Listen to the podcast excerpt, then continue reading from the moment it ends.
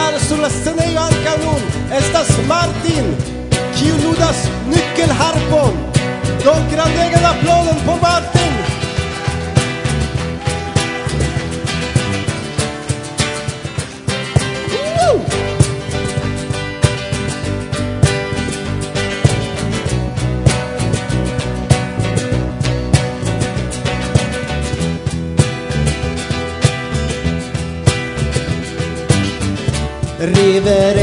to me. Dek tri nudaj knabiĉoj Kutas la superstition Armiloj, bariloj kaj ajna pakaĵ Rivere de ĉe mi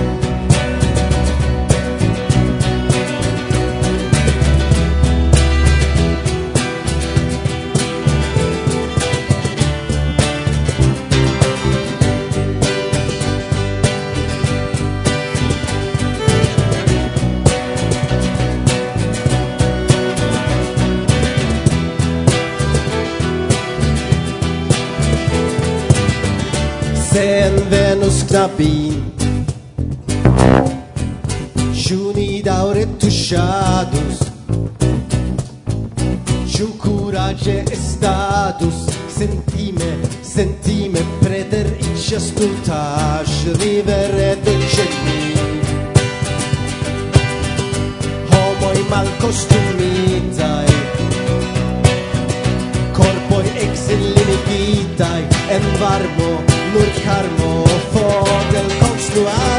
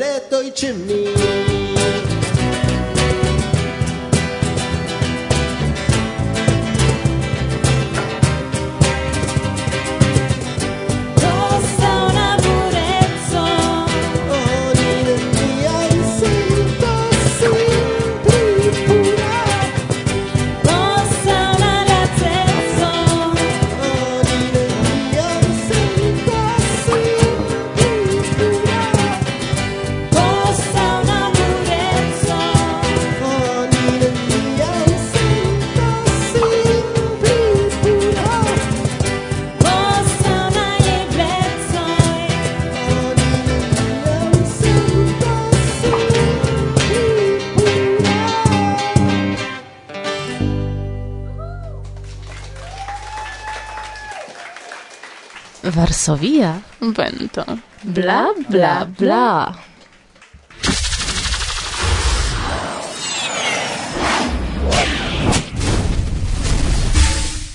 Ĉu nun vi registras aŭ ne? Jes, mi nun registras. Ah. Saluton, caraj aŭskultantoj de Varsovia Vento.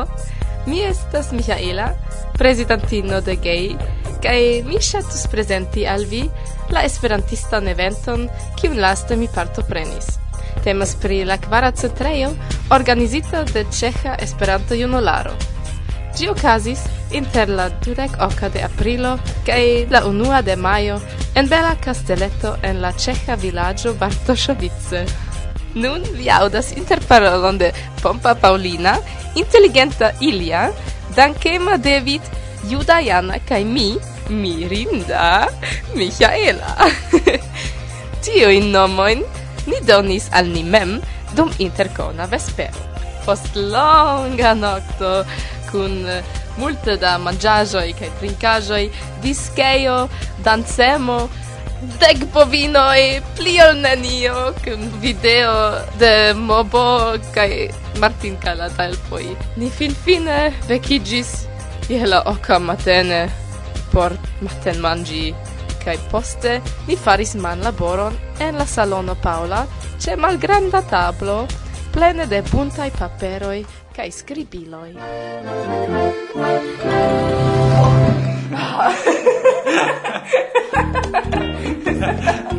Bonege! no, ĉu mi havas brunan paperon? Komprenu. Bone. Ankaŭ mi bezonas iom da Brunaĵo. Brunaĵo. Kio okazis kun vi? Ah, mi perdis mian. Konscion. Ĉu vere? Kaj li faras bonvolencarton. La ĝusta demando, fakto. Ah. Io. Jes. Salut! Oh, oh, On? Czy to jest Franca karto? Salut! Czy Ah, Povas sendi al Mathieu aŭ ideal. Aŭ mi, mi havas. Mi devas desegni pentri vin. Min? Yes. Char, char la carto estas por malamiko, ke min volas pentri vi povas sendi al mia fratino, ĉar ŝi... Eh... Ne amas min. Vole. Ido. Mi skribis Ido. Ĉu! Oh, mi havas oh, Dum la kvara centrejo ekzistas multaj programeroj, ne nur man laboro kaj diskutu rondo pri venonta ses somera Esperanto studado sed ankaŭ estis trinko manja nokto kun batalo inter Chei kaj Skei kiuj volis eh, ke ni eksterlandanoj decidu kiuj havas la plej bonajn manĝaĵojn sed plej bone estis kompreneble la internacia tablo kun manĝaĵoj el Polando, Germanio, Ukrainio kaj Hungario. Mi nun estas ĉi tie kun ideal kaj mi pensas ke ni povus paroli pri kromaj programeroj en la naturo, kiuj ne ĉiam estas eh, organizitaj de la verdaj skoltoj, sed de ŝatantoj de la verdaj skoltoj. Eh, uh, yes, don estas Sidel, kaj kion mi rakontu, kion ni ĵus faris? Yes! Uh, do ni pendigis uh, hamakon sub ponto, super rivero, kaj balanciĝis tie. Kaj ion pri uh, ĉevalumado ĉevalumado uh, ni ankoraŭ ne faris. Ĉi tie sed estus taŭga loko por ĉevalumi ĉirkaŭ la kastelo Yes, ni devas ancora fari tiun kroman programeron, char mi pensas ke vi kaj Dingo inventis tiun uh, cevalumadon dum, yes, ĉu ne? Ez do dingo montris al mi tiun ĉevalumadon aŭ patatajumadon kiel nomas Irek. Dum jes kaj mi trovis tion eh, kiel bona ideo ĉar mi povis mallongigi la distancon inter ĉiuj dometoj kiuj estis tie. Almenaŭ tempe mallongigi. Jes pli rapide atingi la diversaj domoj. Ankaŭ estas eh, agrabla ĉevalumion la arbaro kaj eh, kaj ankaŭ ankaŭ dum peko ni patatajumadis aŭ yes. ĉevalumadis. Iomete. Kai Dingo ja estas membro de la Verdaj Skoltoj, sed vi ne ĉu? Mi ne estas, mi nur ŝtelis la koltukon. Kiel Valer diras. oh, yes. Do, nun ni revenis al la centra rencontigeio, kai eh, la sequanta programero estos filmado por varbi por Esperantujo. Ĉu vi volas partopreni en tiu programero? Do mi jes mi partoprenos kaj vidos kiel ĝi okazos No bone, ni vidu. Sed pro tro da aliaj interesaj programeroj ni tute ne sukcesis fari materialojn por ajna video. Bedaŭrinde. Ekzemple, ni iris al la centra renkontiĝejo de la vilaĝo, kio okazis proligado de sorcistinoi. Poste ni spectis jenan spektaklon kai mem zorgis pri diskejo, kiu oficiale estis nuligita pro malbona vetero, malgrau che brilis la suno la tutan vesperon. Kun bruo alvenas la ruligontai sorcistinoi. Oh, oh nun ili danzas! Belege. Ideal, ciu plaĉus pli mult al vi se estus rockdanco? ne, ce l'aspectas ege mojosa. Kion vi vidas? Estas tiu... Sorcistina danco. Havas mojosa vestaĵojn. Kaj la haroj estas bone preparitaj. Capo. kapo. Ĉe estas ĉapoj. Eĉ krias. Kaj plej plaĉas al mi la etaj sorĉistinoj, kiuj havas la eh, scenejon por si mem kaj ĝuas. Kaj plaĉas nazo de sorĉistinoj. Yes. Kaj eĉ sorĉisto dancis inter la knabinoj. Li perfidis, li metis perukon. li trompis al ni. Yes. Uh, nun ĉi tie starigas Majka, kio estas kiel majaĵo laŭ majo la monato, mhm. kio estas alta stango kvin kvar metroj farita el arbo kun farita el arbo. Jes fakte estas arbo. Estas stango farita rekte el arbo. Uh, kun ornamaĵoj en la supra parto kaj ili starigas ĝin en la vilaĝo vi provas starigi, jes, la fajrobrigado yes. provas starigi tiun tre altan arbon, kaj nun eh, ĝi preskaŭ falas. Fakte estas malfacila tasko por ili estas tie kvin viroj, fajrobrigadistoj, kaj ili havas problemon starigi tion, sed kutime ili sukcesos. Dek eĉ. Kiom alta ĝi estas? Mi pensas, ke estas pli ol kvin metroj. Ĉar se vi vidas tiujn homojn, jam povas esti dek metroj, ĉu ne? ok, yes, yes, ok, ok yes. gis dec metroi, estas ege granda. Ok, Ili starigas la majajon en la vilaĝo kaj gardas ĝin dum la nokto inter la 30 de aprilo ĝis la 1 majo, ĉar similaj grupoj el aliaj vilaĝoj povas fari kiel konkurson kaj provi faligi la majajon kaj tiel maniere hontigi homojn de tiu vilaĝo. Fo foje, eh, ĉar estas ege danĝere, ofte hodiaŭ estas tiu faligo nur simbola per iu stelado de exemple flago au io tia. Kaj post la starigo de tiu arbo estas la bruligado de tiu sorcistina pupo. Ĉu vi volas aŭdi pri la bruligado de sorcistina? Mi pensas ke estas sufiĉe konata en Eŭropo, ĉu ne? Ankaŭ en Germanio estas tio bruligado sur la monto Brocken, kio ankaŭ estas konata kiel Blocksberg, do la monto de la sorĉistinoj. yes, estis tiu filmo, ĉu ne? Bibi Blocksberg. yes.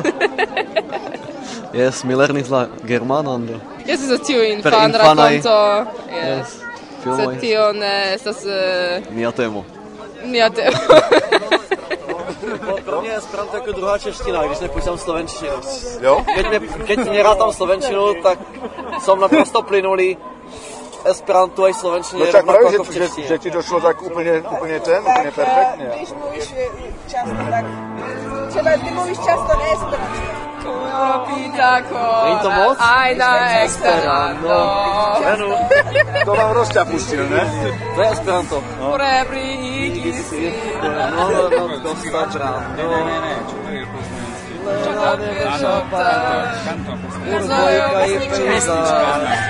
Zangiĝis laŭ la fervojo kaj forlasis lin Ona, ona je to Bez sonde, bez sonde, bez sonde, bez sonde, bez sonde, bez Ĉu vi vidis la videon de tio? Yes. Kun Bobo?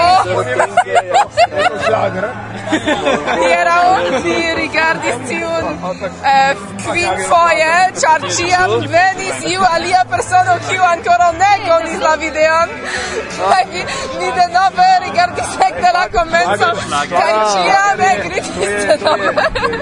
Ĉar estas tiom amuza. Czernicy! Ĉu la ĉu la fajro ankoraŭ funkcias? Mi povas ŝalti. Mi povas ŝalti. Marŝaltu la fajron. Jes. Zapnite olej.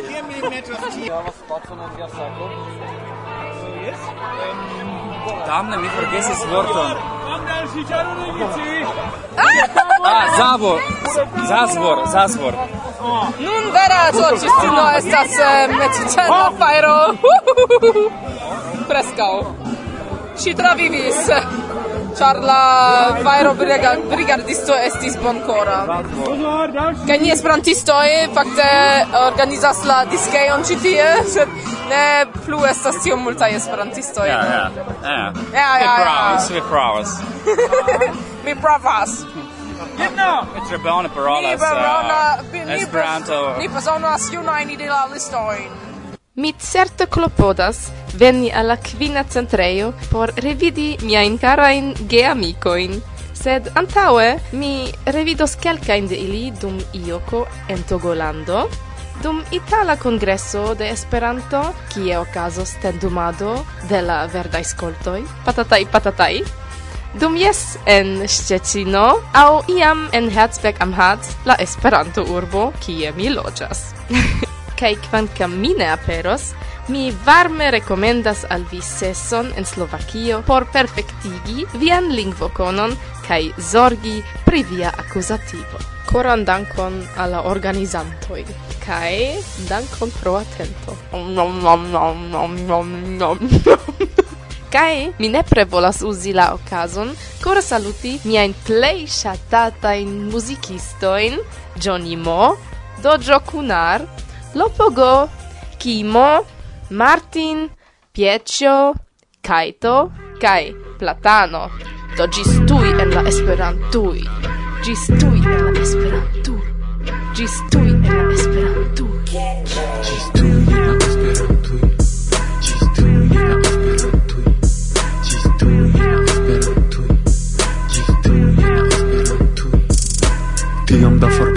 sedeto soni savis Fra botele tot talpoi cun la martin.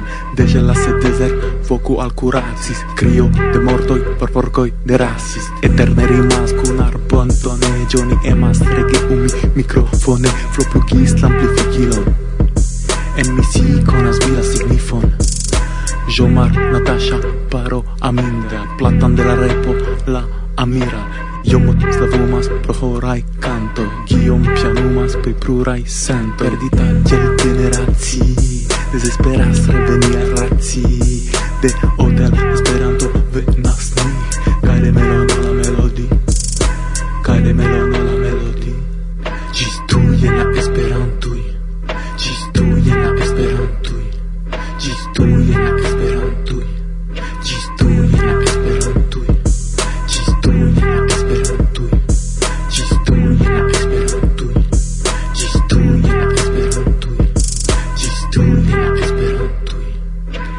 Denzel c'è la tablo con botello da champano Inizialo i dojo, roge por la compano. Personeo te ame, bone sonas. En budigo cion, cion bezonas Che la sorti de dolce avaro.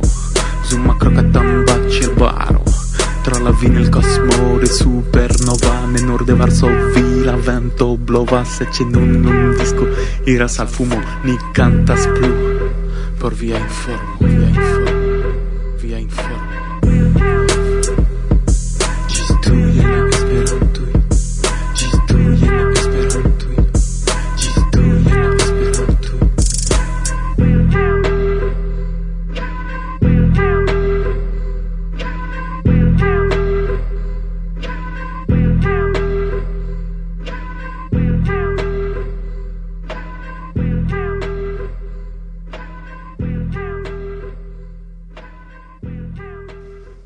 Varsovia vento.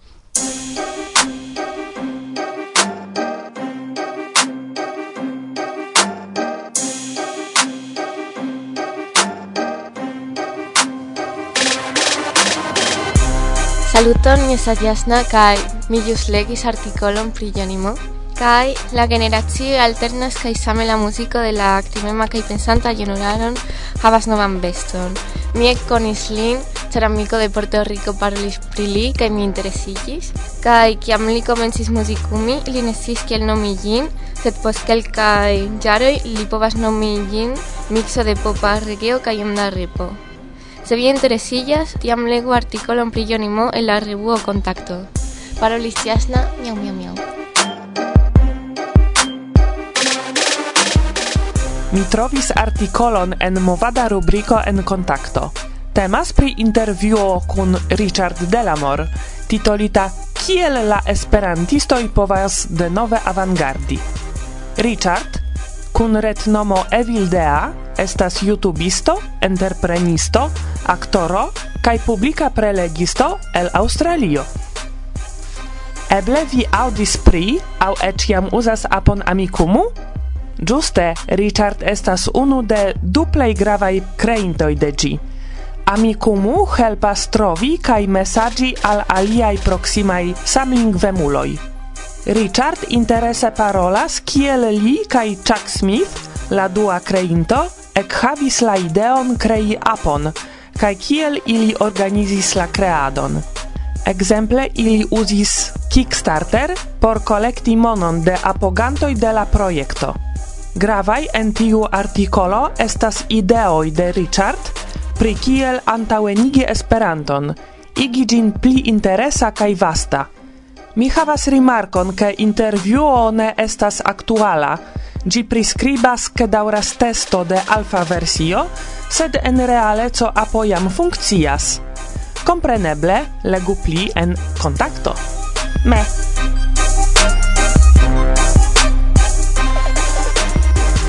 En la sekva artikolo de Kontakto Roman el Rusio invitas vin ekkoni kelkajn interesajn faktojn pri la cirila alfabeto. Ekzemple, ĉu vi sciis, ke literoj kun ondostrekoj supre estis uzataj por reprezenti numeralojn? Kaj kiun frazon formas vortoj komenciĝantaj per tri unuaj literoj de tiu alfabeto? Probable multaj el niaj aŭskultantoj ne scipovas ankoraŭ deĉifri tiun skribsistemon. Do, ni provu paŝo post paŝo, legante Esperanton en la cirila alfabeto. Roman Mutin preparis rakonton dankon amiko. En ciu alineo li anstatawas unu latinan literon per la cirila. Finfine ni ricevas plene ciril alfabetan tekston. Provu legi. Kasiako.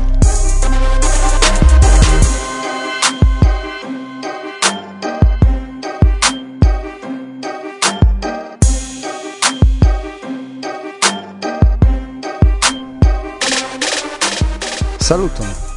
Articolo sep de manecaj bestoj estas pretexto por diri iom pri kelkaj aferoj. Unue, objektivismo. Autoro skribas estas nediskuteble plej timigaj vifestaĵoj kaj entitolo estas vorto de manecaj. Mi pensas ke tiu bestoj estas interesaj kaj belaj. Do mi proponas ne miksi propran estetikan opinion kun priskribo de bestoj. Due, nomoj. En Esperanto multaj taksonoj ne havas nomojn. Do bone estas uzi sciencaj nomojn, rimarku ke ne ĉiam latinajn. Kaj mencii, ĉu aŭtoro mem proponas siajn nomojn aŭ esti inspirita. Se jes, do de kiu? Trie, fonto.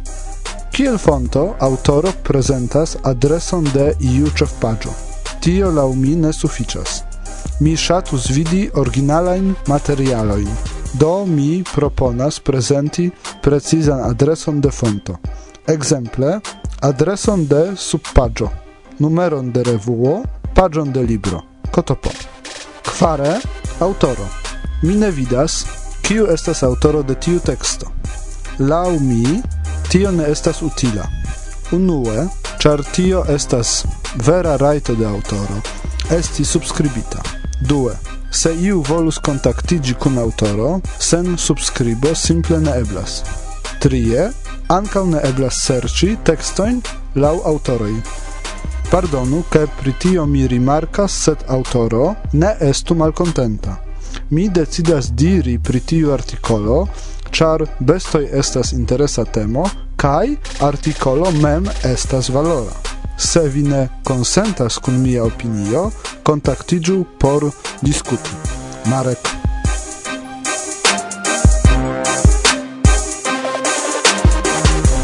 Kai nun eh, mi iom ŝanĝos la temon, ĉar mi parolos pri filmrecenzo Chocolate 2016. La filmo prezentas la vivhistorion de reala persono Rafael Padilla, kiu estis inter la unuaj sukcesaj nigraj klaunoj de Francio.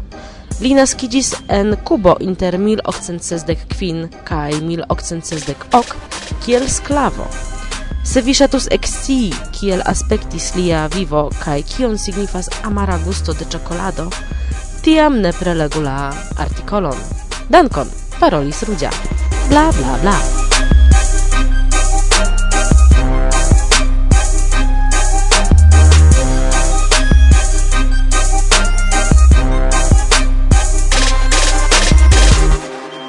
corso via vento.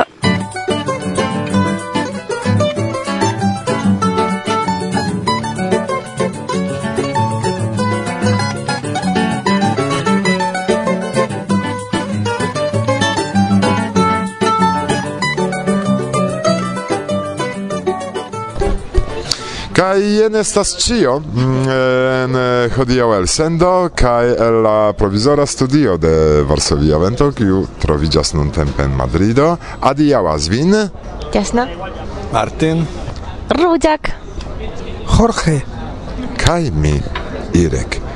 Ĝis la reaŭdo. Bla. Bla. Um, kion Bla. Varsovia Vento.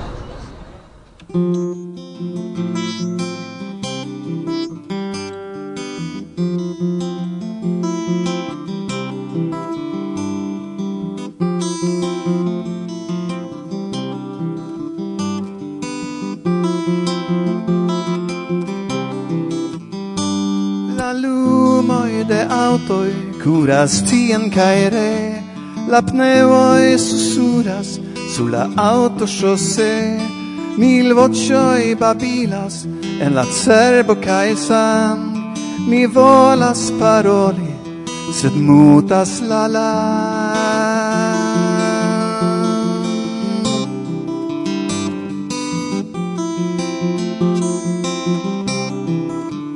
Niai corpoi nun trema En malvarmo kaj vent nia vive estas domo sen fundament Ciu am estas forto eterna sen lima o ciu eble la ido de potenzo kaj ti.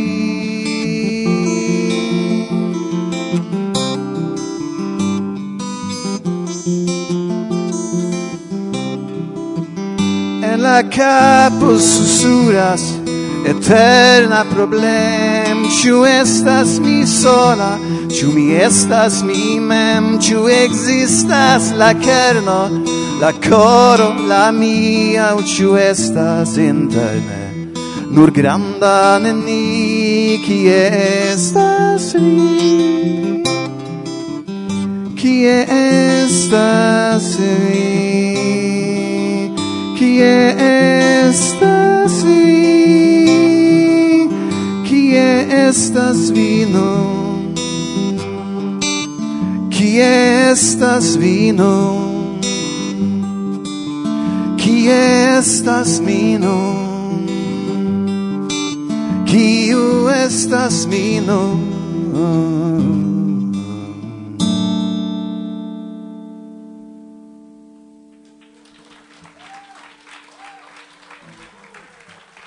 Dankon! Varsovia vento.